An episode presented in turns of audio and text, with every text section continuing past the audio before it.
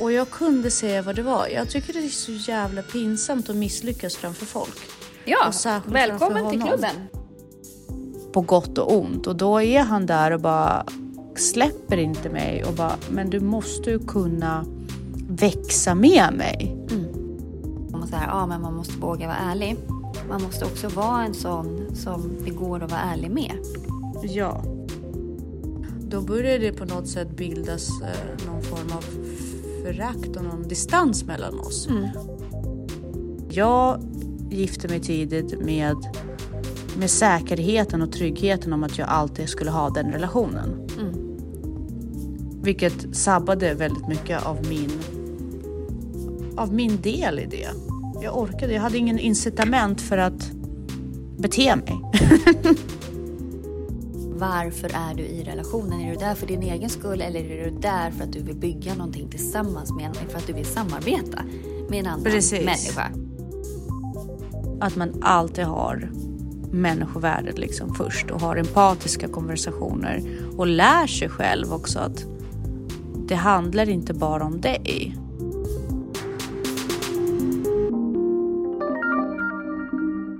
Hej Jessica! Hej! Hur är det? Det är bra.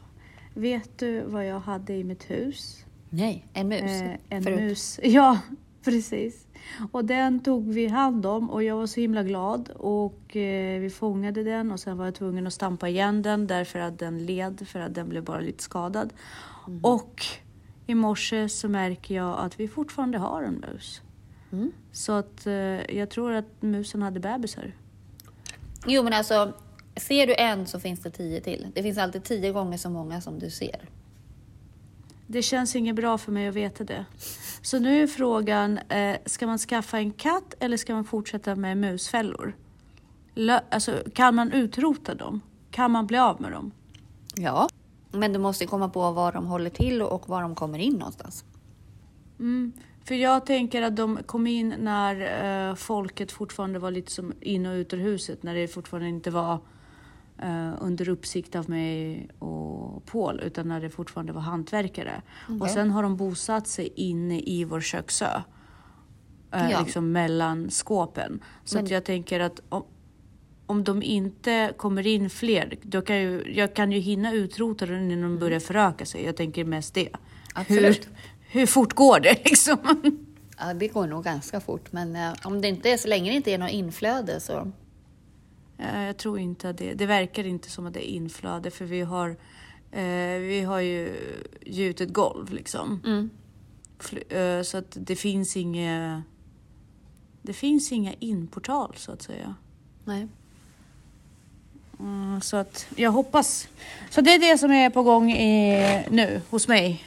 Väldigt mycket marketplace med begagnad inköp och eh, mössjakt. Mm. Hur Ja, är det för dig? Det är bra. Ehm, Vad har du på gång?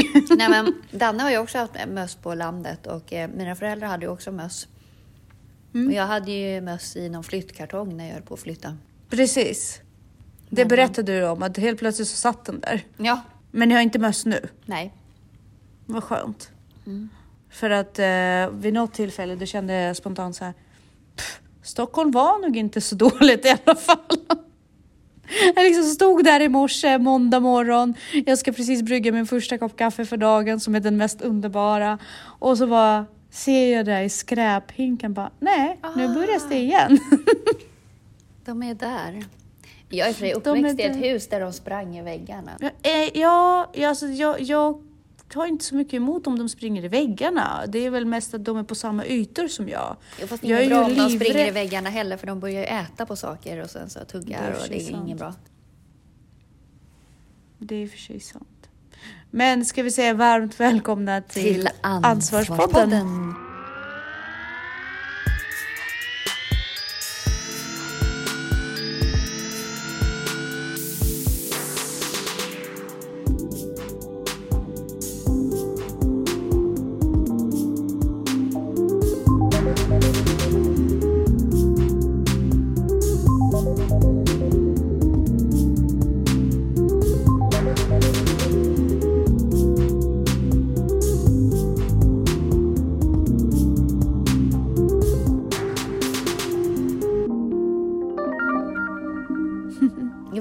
ju prata lite grann om relationer så att eh, ja, med relationen till möss och varandra.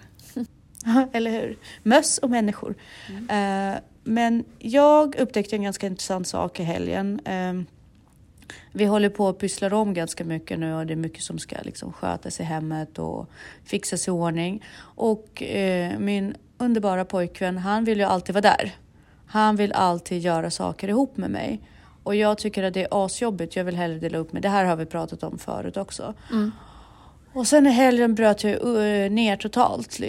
Jag skulle vi har ett fönster i badrummet som är ganska låg så vi behövde to tona den eller vad det heter med en sån här plast mm. som, inte, som det inte finns insyn, så det inte blir insyn så att säga. Mm. Och så skulle jag sätta upp det och jag läste inte instruktioner så första blev ju fel för att jag hade för bråttom. Och så kom han och så läste han instruktionen och så började han berätta för mig och då bröt jag ihop. Jag bröt ihop och jag tyckte det var jättejobbigt och jag bara men det är asjobbigt. Och jag kunde se vad det var. Jag tycker det är så jävla pinsamt att misslyckas framför folk. Ja, välkommen till klubben. Alltså, jag förstod ju äntligen vad det var. Mm. Ja. Jag har ju fattat varför jag inte gillar att göra saker ihop med folk. Alltså det är som poletten föll mm. ner på något sätt. Klart. Han bara, men vad är det? Varför vill du inte ha mig här? Jag, och, och, det bara, det kom med gråt och det var en sån himla epiphany. Jag tycker det är så jobbigt att du ska se mig inkompetent. Men ändå så har ju du pratat så mycket om att du liksom redan, alltså du inte hade den känslan för att du redan Alltså så här, det var ingen som förväntade sig något av dig och du gör ändå fel och la la la la liksom. Ja, Den grejen jo, jo, var så himla då... främmande för mig när du berättade. Jag bara, gud vad skönt det verkar. Jo, men så är det ju. Men det är ju också i relationer som jag kontrollerar. Ja. Det här är en helt... Det, det var så för mig därför att jag vet till vilken grad jag kan... Eller uppenbarligen så var det en, eh, liksom, någonting jag strukturerade upp. Det var en hanteringssystem. Därför att när man är ute då kan man ju säga så här, här är jag duktig, här, här är jag inte duktig, jag kan balansera ut det. Mm. Men hemma kunde jag ju misslyckas flera gånger och det var okej. Okay. Och då kunde jag lära mig vissa saker så pass mycket så att jag slapp. Så jag kunde själv avgöra om jag är bekväm med det och visa, visa upp det. Mm. Förstår du hur jag mm. tänker? Mm. Så när jag är ute bland vänner och kollegor och sådär, då, då vet jag ändå vilka, vilka skills jag har som jag är redo att visa upp och vilka jag fortfarande inte vill visa upp offentligt. Men hemma det blir så himla påtagligt just när vi hela tiden gör saker som är nya för mig. Du vet, vi ska Förstår du på... den här ytterligare dimensionen i KBT som jag har fått, det här att det, det också avslöjas innan jag är klar med något, vad jag håller på Exakt. med. Att Exakt. Det, och det gör ju Danne eh, förmodligen för att han tycker att det är kul och häftigt eller att han liksom tycker att jag är bra på något sätt. Men för mig blir det så här, säg inte till någon vad jag håller på med. Mm. Alltså så här, Eh, mm. Samtidigt som jag säger, okej okay, jag behöver träna det här. Det är liksom ingen stor grej egentligen. Det är bara att det är så mm. jobbigt för mig. Mm. Min, min, pappa är ju likadan, så att man vill inte inviga folk i vad man håller på med förrän man är klar. Precis, och, det, och framförallt så vill man ju inte att någon ska se en, en i den här pinsamma processen. Och där kände jag mig så jäkla falsk därför att jag är ju för fan en lärare. alltså. Mm. Jag säger till barn liksom hela tiden och jag menar det också. Men jag bröt ihop och han sa det till mig. Han sa så här, fast vet du, vet du, det är det som för oss närmare ihop, mm. sa han. Och jag bara, nej det är BS, därför du kommer se hur inkompetent jag är. Till slut kommer du bara, nej men vad fan, ge upp. Eller, bara, det, eller ja. det, det beror ju på hur det landar hos den som Alltså Exakt. om den är det, mottagande mm. och det beror på varför den gillar dig. Alltså det för en inte närmre om personen gillar dig för dina prestationer. Däremot för det närmre Exakt. om den gillar dig för den du är. Exakt. Och det är ju det som jag aldrig egentligen har kunnat passera. Därför att jag vill bara visa upp mina prestationer. Mm. Jag har ju inte kunnat förstå att på djupet då, att bara jag som människa har ett värde. Det är ju det som egentligen är grundläggande integriteten. Mm. Jag har ju börjat närma mig den, men det är ju där det är ju där min liksom, det blir ju den sista fighten på något sätt, att kunna stå där på riktigt och ha en partner där man, som man verkligen släpper in. Mm. På gott och ont. Och då är han där och bara släpper inte mig och bara, men du måste ju kunna växa med mig. Mm.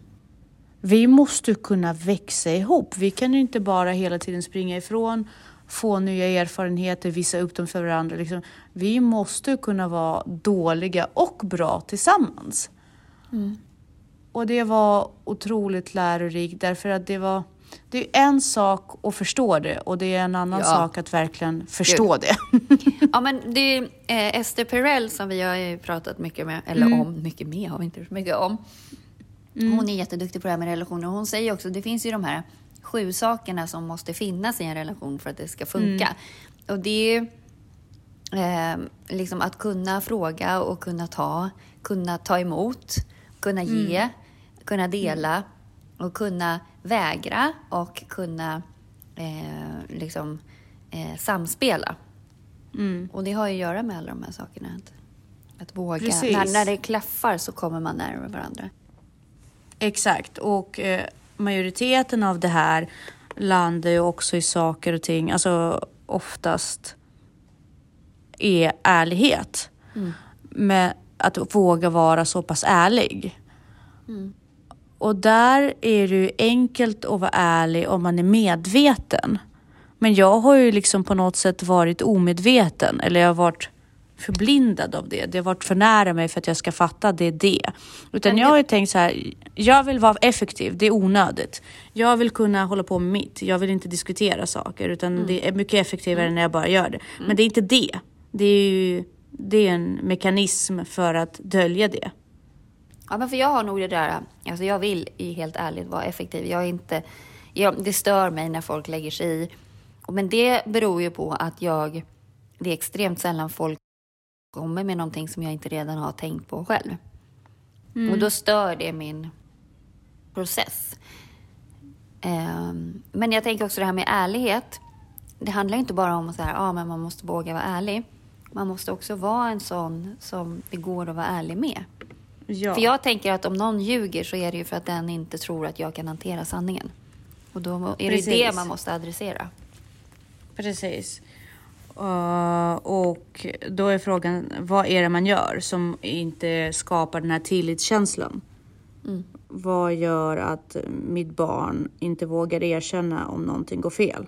Vad gör om min partner inte vågar komma till mig och berätta var, var skon klämmer och mm. så vidare? Och det, det är ju de här sakerna som man måste jobba på därför att uh, det som händer sen, det är också någonting som Esther Perel säger, det är ju att någonstans börjar man ju bygga någon form av förakt. Om jag hela tiden uh, vänder ryggen till min partner i, i samband med att jag testar något nytt och bara, nej men jag vill bara visa upp mig när det är klart, när det är färdigt. Mm. Då börjar det på något sätt bildas uh, någon form av förakt och någon distans mellan oss. Mm. Det blir som att det blir en klyfta och äh, det, den är svår för det, det är så svårt att stå naken inför en person. Mm. Och där är också eh, relationen jag har nu, det är ju äh, samboskap. Mm. Äh, relationen som jag hade var ett giftermål och den är jag uppväxt med. Den, där är det mycket enklare att ta varandra för given. Jag var nog inte lika rädd jag var inte lika rädd att bli lämnad. Därför att på något sätt så gav ju äktenskaps... Oh, den är farlig. Jag vet, jag vet. Den är jättefarlig och eh, jag börjar ju skala av det nu. Du ska ju liksom vara, alltså det är det som är problemet, att om man inte är så rädd för att bli lämnad eller så rädd, då börjar mm. man ju vanvårda relationen. Och jag tror att eh, det är en av de grejerna som Danne har tagit med sig eh, liksom, i sin process och lärt sig liksom, mm. just det här med dels att uttrycka sina behov, men värna mm. sina behov också. Och om man inte blir lyssnad på eller respekterad eller så, att man faktiskt sätter stopp mycket tidigare och liksom faktiskt mm. står upp för sig själv. Mm. Eh, och det känner jag i, i vårt äktenskap också, att varje dag är ju ett val. Man måste mm. ju liksom välja den andra personen varje dag. Ja, precis. Och jag tror någonstans att varje dag är inte bara ett val. Det är ju en sida att se på det, men varje dag blir ju också en kamp. Mm. Därför att du måste hela tiden förhålla dig till att jag är här, jag måste ta mig igenom det. Eller så alternativet är att jag är utan den personen. Mm. Och den avvägningen som man ser, ser, eh, hela tiden går igenom på något sätt, den gör ju att man anstränger sig mycket mer. Mm. Och man är mer medveten om sin relation än vad jag var kanske i mitt äktenskap. Därför att ja, men jag tog den mycket för givet. Mm. Jag är väldigt ledsen för det nu i efterhand kan jag tänka. Alltså, inte att den tog slut, men att jag att jag på något sätt gjorde det. För det var en annan person som var involverad. Det spelar ingen roll att det var andra problem och så, men, men att man inte lärde sig det tidigare. Jag gifte mig tidigt med, med säkerheten och tryggheten om att jag alltid skulle ha den relationen. Mm. Vilket sabbade väldigt mycket av min, av min del i det. Jag orkade, jag hade ingen incitament för att bete mig. Nej. för att ta mitt ansvar, ofta faktiskt. Ja, men därför tycker och, jag man ska ta bort i äktenskapslöften, eller vad man ska säga, att man tar bort det här tills döden skiljer er åt. Alltså att, för jag tror att det är jättemånga som säger, men vi har ju lovat varandra. Ja. ja. Men man lovar ju varandra. Men det måste ju också finnas en, ett löfte om, då tycker jag det är bättre att man skulle prata om löften om att båda eh, liksom lovar att jobba för det här och båda lovar att kommunicera och båda lovar att värna om relationen. Mm. Att du ska göra ditt bästa tills döden skiljer er åt liksom. Ja, precis. Eller inte ens mm. tills döden, utan du ska göra ditt bästa. För tills döden skiljer åt, då finns det ju inget, alltså då är du ju fast där. Ja, men om, alltså, om under förutsättningen att du gör ditt bästa. Om du inte gör ditt bästa, då blir det inte tills döden skiljer er åt. Men om du väljer att göra det, ditt bästa, då är det tills döden skiljer er åt, för då lägger du in arbetet också. Mm. Men det kräver att den andra gör det också. Ja, Å andra sidan så har vi ju då Jordan Peterson som säger att det finns ju en, eh, en styrka i att ta varandra för givet också för man sitter fast i det. Fast jag, tror, blir... jag tycker inte att det är en styrka. Jag tycker att det, det, är det som är fallet. Och det är det Ester Perel säger också. Det är ju det. När mm. ett, du tar någon för given mm. och inte jobbar på det. Liksom. Eh, och, mm. och, när du börjar känna liksom, förakt eller att du inte kommunicerar så att du missförstår den andra eller inte ser den andras behov eller att du prioriterar dig själv hela tiden. Att man är liksom är där. Varför är du i relationen? Är du där för din egen skull eller är du där för att du vill bygga någonting tillsammans med en, för att du vill samarbeta med en annan Precis. människa? Um, men annars blir det ju bara jag har rätt till eller det här passar inte mig eller så. Utan liksom ett, ett äktenskap är ju ett samarbete. Och är du inte intresserad ja. av att samarbeta med andra utan bara intresserad av vad du får ut av det, då ska du inte vara där. Det kommer ju aldrig hålla. Precis. Och, och det är också eh, Esther Perel som hade väldigt liksom, stark eh, tes angående hur man går in i en konflikt. Ja. Som inte behöver vara ett bråk, men överlag en konflikt där man inte tycker lika. Det är, mm. går du in för att fightas för att du har rätt? Mm. Eller går du in för att du är genuint intresserad av den andras synsätt? Precis, och det är det vi har pratat om också jättemycket. Vill du, ha rätt? vill du lösa problemet eller vill du ha rätt? Ja, men inte bara lösa problemet. Det kanske inte bara handlar om att lösa ett visst problem. Det handlar om det här genuina intresset för din partners synsätt. Ja, men det, Efter för mig ingår kanske... det i att lösa problemet. Ja, alltså, ja men... så kan det vara. Så kan det vara.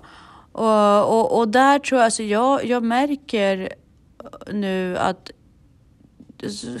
på gott och ont, den här relationen gör ju att jag inser att jag är problemet i, en, i den här relationen. Inte för att vi har det dåligt, vi har det väldigt bra. Det är väldigt fint och väldigt, och väldigt bra. Men jag märker ju liksom att jag har ju inte kommit ut ur den erfarenheten som jag egentligen borde kommit ut ur Därför att jag har aldrig blivit ifrågasatt på det sättet som jag blir ifrågasatt nu. Mm. Och inte ifrågasatt utan att jag, jag krävs på ett, ett ansvarstagande. Mm. Och det är en person som genuint är intresserad. Varför? Mm. Och så här vill inte jag ha det och så vidare. Och där tror jag att jag är väldigt ovan vid en sån hög intresse av engagemang. Mm. Förstår du vad jag tänker? För det kräver verkligen att man nöter igenom allt. Och det, det, jag, blir lite, jag blir väldigt förvånad och väldigt eh, uppspelt på ett positivt sätt varje gång vi stöter, uh, stöter ihop med sådana saker. Därför att jag inser ju att jag är ganska omogen. Alltså som, som uh, ja, emotionellt omogen därför att jag, jag bråkar för att ha rätt. Mm. Jag försöker verkligen överrösta uh, med mina idéer och varför mina idéer är bäst. Jag, jag är inte så jätteduktig på att vara intresserad av vad den andra har att säga. Jag är duktig på att dölja det och få det att framstå som det. Mm. Men rent genuint, jag är inte jätteintresserad av andras åsikter. Nej. Och det märker jag nu och det, det ja, jag är inte jättestolt kan jag säga.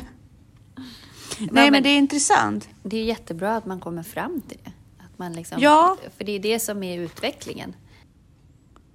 Precis, det är det som är utveckling och det är det också att man tar, man tar liksom på något sätt Ja, då fattar jag varför vissa saker inte funkar. Jag fattar varför vissa av mina relationer inte håller och varför kommunikation med vänner etc. inte kanske är alltid hundra. För jag tror ju alltid att jag...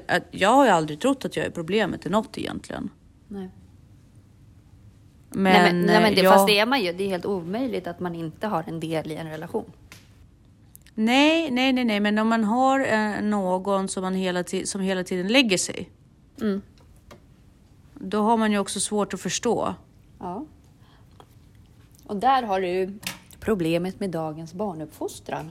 Att många Exakt. föräldrar lägger sig ju så att du har ju barn som inte överhuvudtaget har någon självinsikt alls och förstår att de Mm. kanske beter sig illa eller att de är en del av ett problem eller Mm. de har ansvar i saker. Så att,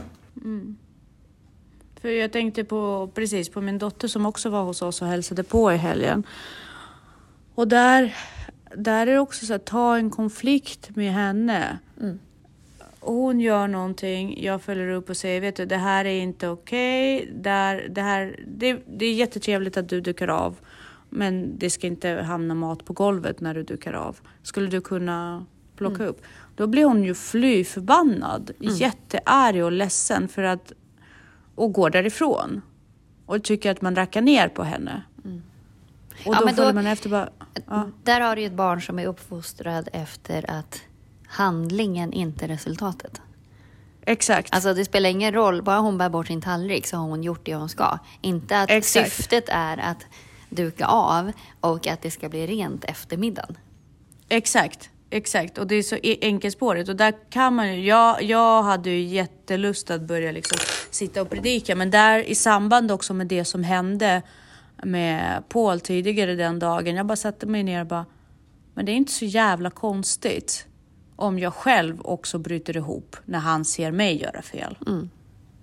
Det är inte, alltså, vad, vad förväntar jag mig? Och jag tror att det, det var en väldigt så här polett, polett regn för mig när jag såg just mi, hur det speglas i henne och jag ser så här, jag måste bryta det här. Jag måste Precis. börja ta mer ansvar. Jag måste börja visa henne istället för att kräva från henne. Och jag tror att det är där också att eh, problemet med varför hon inte vill berätta så. Och nu är hon ju väldigt öppen med mig och sådär och jag är tacksam. Men, men just det här relationsbyggandet. Det är ju inte om vi sitter och chitchattar lite då Nej, och nej, då. nej. Det är inte där det är. Relationen det är att jag- byggs ju av bråken. Och clasherna. Det är där du bygger en relation. Exakt, och det är den här kampen av att nöta och bara jo fast jag bryr mig tillräckligt för att inte låta dig göra det på det sättet. Jag bryr mig tillräckligt för att ta fighten för att du ska få en, en, en färdighet liksom. Jag, eh, det är ju där det är. Det är jätte, alltså på något sätt blir jag förvånad över att det är så sunt förnuft som faller ner i mitt huvud. Men på ett annat sätt, när man verkligen för, kan förankra det i sin identitet så blir det en helt annan fakta. Där var det jätteintressant. Men jag undrar så här också. Uh, Esther Perel pratar ju väldigt mycket om det här med hur behåller man passionen? Mm. Och hur man eh, driver vidare det här med tanke på att vi har ett längre liv nu. Vi måste inte vara med varandra. Eh, att behålla attraktion och så vidare handlar väldigt mycket om att eh, förspelet måste vara där hela tiden. Mm. Man kan inte bara liksom, räkna med att det kommer flytta på. Man måste... Nej, allt är ett förspel. Alltså allt är Exakt. ett förspel hela, hela, hela tiden. Mm. För du säljer ju in dig själv och du skapar ju din karaktär. Alltså, så att det är ju lite som när man har varit i relationer med om någon har varit väldigt omogen eller liksom Mm. betett sig. Man bara, fast du kan ju inte tycka att jag ska vara attraherad av dig sen. Mm. När du liksom å ena sidan beter dig jätteoattraktivt. Det är Mm. liksom inte en av och på-knapp utan allt du gör bygger upp dragningen kring dig som Mm. karaktär. Exakt. Och där är också det här narrativet kontra verkligheten där, som man måste ta med sig själv också, som jag också på något sätt sitter och funderar över. Ibland så är det inte säkert att det du intalar dig är attraktivt är det som egentligen är attraktivt för dig. För vi matas ju på vad vi ska vara attraherade av. Ja, men sen så finns det ju de här undersökningarna som eh, visar på liksom, vad är det som eh, attraherar eh, män och kvinnor. Och det är ju liknande grejer fast olika ordning. Eh, Det är ju den fysiska uppenbarelsen, även fast den är typ mest viktig för män men minst viktig för kvinnor. Men sen har du det här med humor, intelligens, eh, omtänksamhet. Mm. Eh, så det är ju de grejerna Mm. som är Precis. attraktiva. Och det är ju ganska djupgående karaktäristika snarare än att ja, bli jag uppvaktad och hur jag blir uppvaktad. Det är liksom inga materiella saker på det sättet. Utan Även om det är ju smickrande, liksom, men det är ju en, Ja. mer en del av liksom, spelet. Mm, Eh, för du kan ju fortfarande bli jätteöveröst med presenter och uppvaktad av en jättesliskig människa. mm. Ja men precis, man måste liksom vara duktig på att inom sig själv och sin självkänsla se skillnaden på, precis som du säger, smicker, eh, att, vad som är smickrande och vad som är attraktivt. Och eh, jag tror inte att jag riktigt har nailat det förrän jag- nu. Jag tror att för mig har det varit väldigt viktigt att liksom på något sätt Mm. det ska vara på ett visst sätt. Mm. Men sen så har inte jag återspeglat väldigt mycket om huruvida det sättet funkar för mig som människa. Och det är ju tradition Mm. mycket tror jag och förväntningarna av andra och vad ens kulturella ramar Mm. eh, applicerar på det också. Eh, jag vet inte om du har tittat på eller läst eh, boken som den här serien är baserad på, Unorthodox. Nej. Det är en hasidisk tjej, alltså ultrareligiös judisk tjej som är uppväxt i Brooklyn, Williamsburg eh, i USA som flyr sin community och eh, påbörjar ett vanligt liv liksom eh, utanför, utanför sin ju, ultrajudiska kommun. Mm. Och jag tänkte på, eh, nu är inte min familj jättereligiös, men de här kulturella ramarna, hur begränsande de är Mm. för individer. Mm. Därför att eh, i de här miljöerna, det enda man gör ofta är att anpassa sin individuella individualism Mm. och trycker ner den och formar den och verkligen suddar ut den.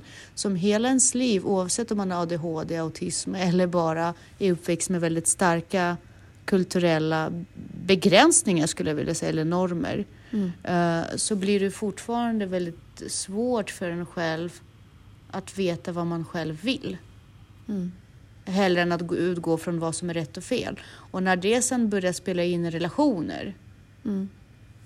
så är det ännu farligare kombo därför att de relationer bygger ofta på att det ska hålla livet ut. Förstår du vad jag tänker? Mm. Medan nu lever vi i en miljö som faktiskt förespråkar att du ska hitta den bästa matchen för dig. Mm. och även vara den bästa matchningen för den andra personen. Så det handlar ju om allt annat än kulturella ramar. Liksom. Det handlar väldigt mycket om personlighetsanpassning och person individanpassning. Så den är också lite svår. Därför mm. att vi har fortfarande väldigt många delar av världen som är väldigt kulturellt bundna. Mm. Och människor som fortfarande inte riktigt vet hur de ska lära känna sig själva. Och då, då blir det svårt. Mm. Verkligen. Så man måste verkligen skala av sig själv. Mm. I lager på lager bara. Ifrågasätta, ifrågasätta tills man... Ja. ja. Men har du haft någon sån där aha-upplevelse med Danne där du bara men det här gör ju, det här, så här gör jag ju bara för att jag är så och så. Ja, men det har absolut att göra med de här rädslorna och just det här att mm. våga misslyckas och våga vara svag eller ja, men våga göra mm. fel. Våga, men våga misslyckas, våga vara inkapabel. Mm. Att det har jag ju verkligen tvingats att mm. vara med honom. För han kastar ju också in en på arenor där man inte har koll och det är så jäkla jobbigt. Mm. ja, men, men, men också, också så himla blir... spännande. Ja, fast jag blir också arg om jag då blir bedömd på den arenan. Mm. Då känner man sig ja. bara sviken och liksom... Eh, men eh, absolut. Eh, det, han kommer ju från en sån miljö där man värderar varandra. Inte lika mycket längre upplever jag faktiskt, men i början när vi träffades så var det ju verkligen bara bedömd efter dina prestationer. Och, mm. Eh, det var ju liksom inte nådigt. Och jag kommer ju själv från en sån miljö så att jag var inte riktigt... Och då hade, jag hade ju flera dubier med mig själv om så här, är det här verkligen något jag vill gå in i? Alltså vill jag utsätta mig för det här igen? Mm. Mm. Eh, så att... Ja. Ja, i grunden ligger det väldigt mycket eh, koppling mellan integritet och människovärde. Alltså det, mm. det är egentligen där hela resan börjar. Mm. Eh, både vad gäller hur du behandlar din partner, mm. att man alltid har människovärdet liksom först och har empatiska konversationer och lär sig själv också att det handlar inte bara om dig. Det här handlar om en människa. För att jag pratar, och så, på tal om det, jag bråkar ju ofta med folk som om de vore mina föräldrar. Mm. Jag blir ett litet barn när jag bråkar. Jag, vill, jag blir ju bara jag vill. Mm. Och det är ju, det är ju omoget och, och där brister jag i mitt människovärde. För varför är den personens åsikt mindre viktig eller ska ta mindre plats? Och sen det andra är det här egna vär, egenvärdet, integriteten liksom. Att, att mm. det här handlar om att du ska må bra oavsett vad du presterar och du har rätt till det. Mm. Och om någon säger till dig att ja, men det du säger är helt idiotiskt, då har du rätt att vända på dig och mm. gå därifrån och säga jag vill inte vara med i en konversation med den tonen. Mm. Du har kanske rätt i sak och jag kanske har fel. Det är inte det det handlar om. Det handlar om att nu Exakt. gillar inte jag uh, förhållningssättet i konversationen. Nej, precis. Men då måste man också förstå Mm. Att man inte gör det, att man inte tar det, att man inte vill ha det så. Nej, att det är liksom två separata problem. Det ena är vad vi löser och det andra är hur vi löser det. Liksom. Mm. Att det finns också ett rätt forum att bygga upp det på. Mm. Hur vi tar oss an det. Så att, ja, men det, är, det är komplicerade men det är värt att reda ut därför att som sagt, vem vill du vara i en relation? Mm. Och vad har du att erbjuda? Mm. Exakt, det, är det, det, det sista är väl person? viktigast. Ja men precis. Eller hur? Vad har du att erbjuda? Mm. Är du, sitter du rädd att bli av med din partner men kan du göra med att du inte försöker tillräckligt bra? Ja men precis. Att här, man måste ju mm. fråga sig själv, skulle jag vilja vara tillsammans med mig själv? Exakt. Exakt. Mm. Ja. Det är det vi avslutar med idag. Ja. Skulle jag vilja vara tillsammans med mig själv? Men du, ja. tack för den här omgången. Ja men tack själv. Och så hörs vi nästa vecka. Det gör vi. Ha det. Ha det så bra. Hej.